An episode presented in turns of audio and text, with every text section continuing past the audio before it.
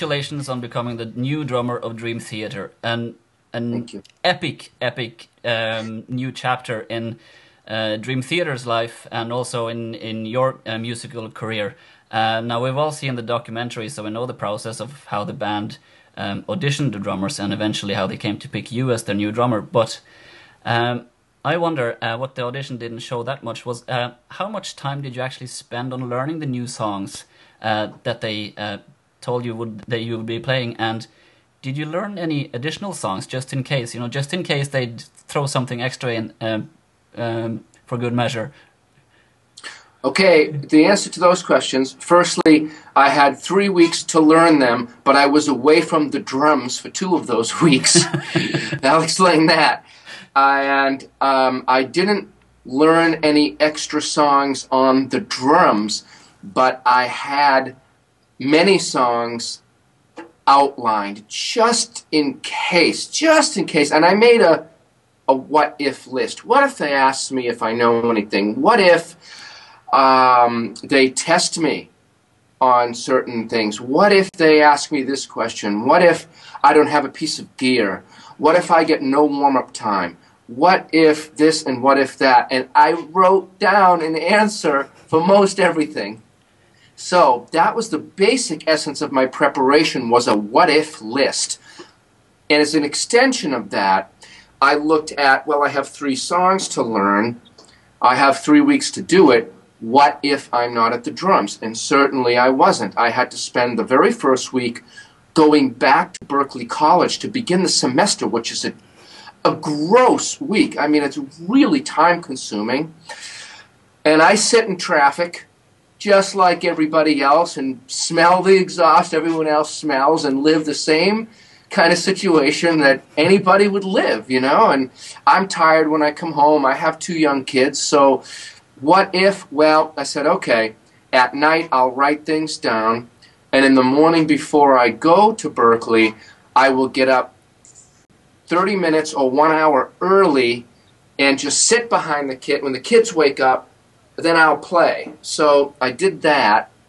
Then I spent a week in South America, eight days actually, even call it nine with flights, in South America, brutally tired doing drum clinics and all I could do was listen to the songs. So then I came home and I had a full week on the kit plus two days. And I can tell you that uh, one day or uh, two days before the audition, I basically have tried to block some of the songs because it was so, it was difficult for me. But I, two days before, I basically couldn't play The Spirit Carries On to save my life. I was like, oh my gosh, you know, I'm writing down and trying it because that's the thing about learning songs. You gotta play. You have to play. Exactly. L- listening doesn't do it.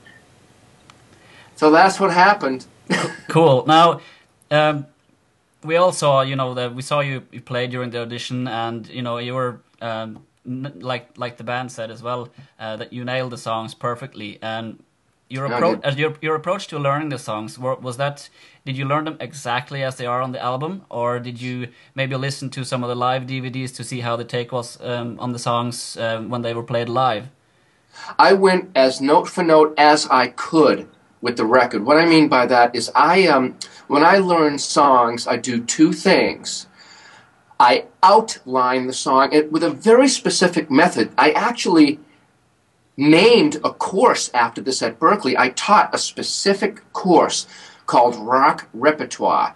And what it consisted of was how how to get a job, how to you know how to get how to win an audition. That's basically what it's about. And I've been teaching it for a long time. The crux of it is how to outline a song because you don't want to get lost in a song. So that's the first thing that I do is I, I count all the bars and notate where I need to notate and just get a picture of it and then I slow it down to 75% of this of this regular speed, and then I slow it down to half speed. I can't slow it down to half speed right away. I don't even know what I'm listening to. So those are the two things, and I absolutely have to sit and crawl through it and press rewind. I mean, I'm I'm learning tour songs right now, and it's interesting because I'm learning them on the iPhone for a reason. Not that I'm trying to, you know, hey, now can I get an iPhone endorsement? That would be actually nice. but you know, this my my, my email. The messages are going off like popcorn because I have so much to prepare for beyond learning songs for the tour. I don't want to miss anything. So there I am in the middle of one of the particular songs, and ding, it goes off. oh no! and I'll get it afterwards. you know, I'm crawling through the tune and pressing it. But that's the basic routine. And for the audition, you know, I uh, I basically worked them up to full speed right before I went down. But by the time I did that, John, I knew them. You know, I really okay. I'm going to hit this splash cymbal right here, and not this stack, or I'm going to hit this crash cymbal because I know I have to get around the side of this kit for a drum fill. So that's what actually happened. Does that help? Yeah, yeah, that's uh, that's a really good um, explanation to your approach. And uh, now I know that you're learning. You're in the middle of learning new material right now, both both old old and new Dream Theater songs. Um, mm-hmm. Are there any songs that you can say that you're not prioritizing, or are you looking at the entire catalog? I've prioritized all the songs for the summer.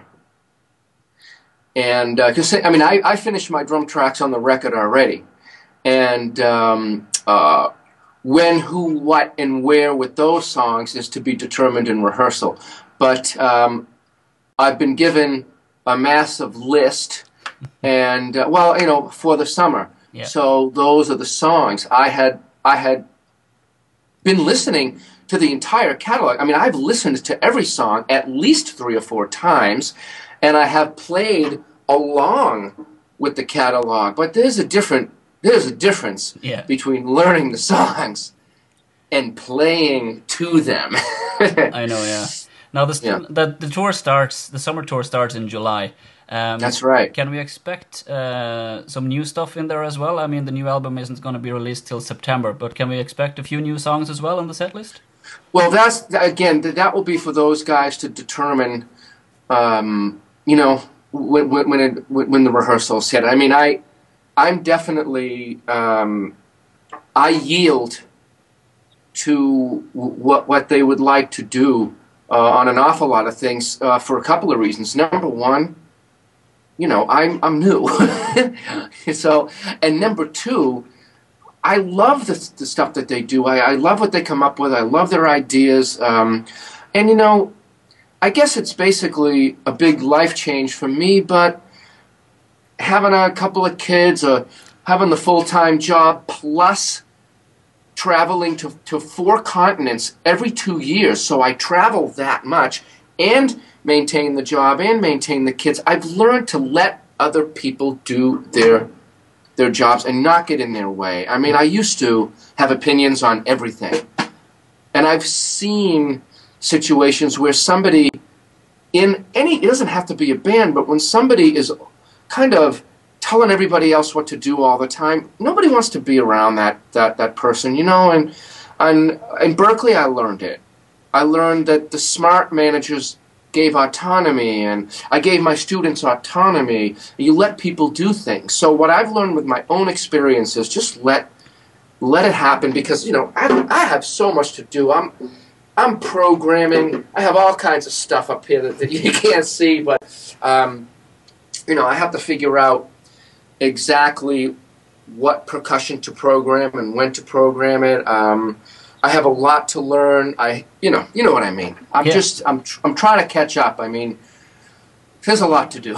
now, how did how did Berklee feel when you told them that that you were leaving? And um, did you did you have to wait a while before you told them as well? I mean, there was a long wait before it was made public. How did you deal with that? Uh, with the wait, you know, before it was made public that you were the new drummer.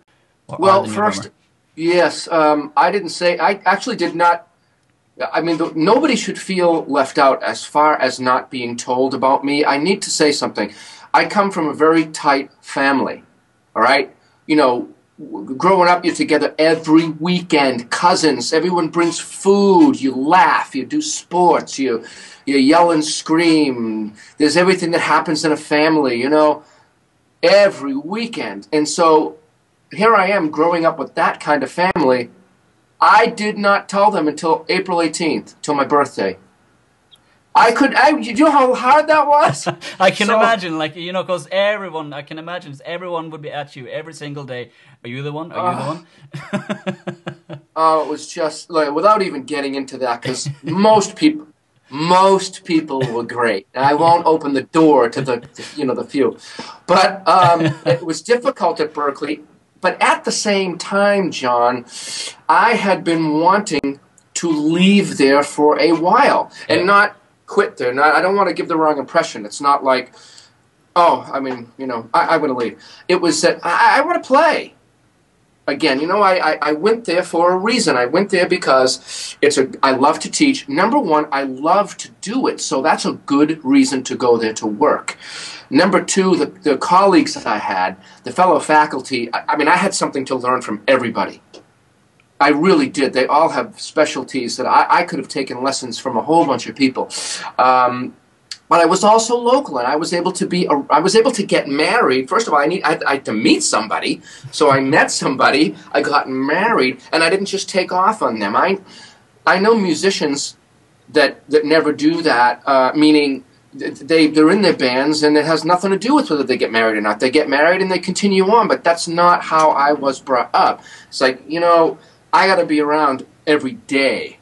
So I needed to make a change, and I worked there for a reason. Now, at some point, we got used to this whole kit and caboodle here in my house, and mm. you know, I, I was not happy not playing. I just simply wasn't whole. I wasn't myself. So um, it, the time came where I just wanted to leave there. So I started putting the word out there privately a few years before this happened with Dream Theater. Mm. Now, when the time came, it wasn't a surprise. It wasn't like, hey, I got this gig. See you guys. Hey, all you students that I care about a lot. You know what? See you later. It wasn't like that. It, they already knew that I was putting the word out. So when this came around, I didn't feel like it was a big shocker yeah. that I was going to leave. So when I gave notice, I gave notice on the premise that I had been planning to go, and now I'm going to go, and that's all. That's it. Cool. It was it's it's honest. I, it was consistent with how I was, and I could not say anything about Dream Theater for a whole host of reasons. And you know, I didn't want to in some ways because it was honest. I really wanted to try to put myself out there and go. That's a good inspiration for students. I mean, how do you do this? How do you pull it off? How do you go from your your drum room to the stage? You you put the word out there, not market. I didn't market on YouTube or anything, but I put the word out and man, you know, Dennis Chambers told me a while ago when he knew I wanted to to get out there. He said, "Mike, you just say yes to everything." and keep your mouth shut. You know, when when another gig comes up, don't dust anybody. Don't treat anybody. Not that I did. I never did that anyway. But man, you know, the time came and I couldn't say anything. And on that note, it was really killing me because with my students. You know, I know, I know half of their IDs for crying out loud. I know how they play. Every one of them, when they email me now, oh, do you remember me? I'm like, what? I know what you wore. I know what color your sneakers are. I know what you know, and that's why I had such a good rapport with them because I cared so much. So in that way, it was killing me to not tell them. Then my fellow faculty, I was wanting to jump up and down, but that's the story. Now, uh, now that you're, uh, you know, part of the Dream Theater family, I mean, Dream Theater have a huge. Uh, uh, very loyal and sometimes opinionated fan base, many of which you know have yeah. followed the band since the very beginning. Um, how do you feel that the news of, um, of you as the new drummer has been received by the fans? I feel well because of what I have seen. And when I say what I have seen, I read, God, God, don't know how many comments. And the funny thing about how I feel about this has a lot to a, a lot to do with how I think. Meaning, I don't um, see another person as anything other than a person who has a right to think how they think, They have a right to be who they are. You know, we, we're brought up in different ways. We have different philosophies on life. We have different religions. We have different things we're exposed to. We have different likes and dislikes. So I have no business going, uh, you know, looking at somebody trying to get in their scene. Hey, it's you got to like me. They don't need to like me. I mean, look at I'm a fan of the band too, and I love Mike. I love what he did. Everybody has a right. If he's a hero, then they should remain that way because he's a hero to me too. So that's all good. I'm I look at it as like I'm a separate issue now. Exactly. I mean, all those things are positive. All those things are good. The fans that don't think that I'm the right person have a right to, but they they really may not know me. they really may not know what I'm capable of, and it's not their fault. I don't blame them. I've done a lousy job. But you know, again, I go back to how I was brought up. I don't sit there and put all these clips of myself going, "Hey, look what I can do," and "Hey, whoa!" But you know something? That's not a bad thing to do. Really, I should have done it a long time ago and gotten over that and just said, you know, I have a business and I should put myself out there. So since I didn't do that, um, they totally have a right. I feel well because most everybody seems to believe that I wanted this so badly that it goes beyond. It's not a job. It's not a gig to me. I, I, I really mean that. I live. And what was not seen, basically, I don't think, but it was talked about with those auditions, yeah. is the whole audition. It's like, you know, I, I knew what they were going to do. And it's funny, Jordan said it. Jordan said about what I did, he said it was as if he knew what each of us was playing, because I did. Yeah. It's because that's what took me, when I learned the songs, that's what I did. I really learned where John went, and I played, which was different than what Mike did. So when I say I learned every note, I learned the rhythms, but I changed some of the drums to follow what they did. Cool. And that was the beauty of it. That's when Jordan looked over. Or when somehow I lost what he was playing, and I, I knew it by watching his fingers. And he, he looked over because he knew that I knew what he was doing, and the same thing with all of them. And as you know, John Myung especially. I mean, I, I paid so much attention to what he was when he was blinking or not, when his foot was moving, that it made for a really tight thing, you know. And and when it came to James's accents with certain syllables and John's you know, throwing in a maybe it wasn't on the track, but I might have thrown that in to let him know that I was listening. That's why I believe I am the right musician for this. And well, I, you know, well, you um, we're extremely excited, and you know we can't wait to see you on the road with Dream Theater this summer. Uh, yeah. You're. Uh, I know you're an extremely busy man, and we're holding you up, yeah. learning all the new material. Now, the final question: yeah. what, what will your thoughts be when you're entering the stage for the first time with Dream Theater this summer in July? My first thoughts: uh, put me in the game. Give me the ball. Give me, the, pass me the ball. I want to kick it in the net. That's oh, well. How else am I supposed to be? That's an you know. I'm brought up as an athlete and with a lot of family yelling and screaming and you know, cheering for you and all that. You know, there's no time for me to think of anything else. There's no time for it. These fans don't need anybody else back there. You know, oh gosh, oh wow, this is great. You know something? No. I got a job to do. Give me that ball. That's all I have to say. Well, that sounds great, Mike. We can't wait to see you. And thank you so much for doing the interview with us. You're and, welcome. Uh, good luck with the learning all the new songs. Uh, a massive task, I'm sure it is. And uh, uh, we'll see you on the road this summer. Yes!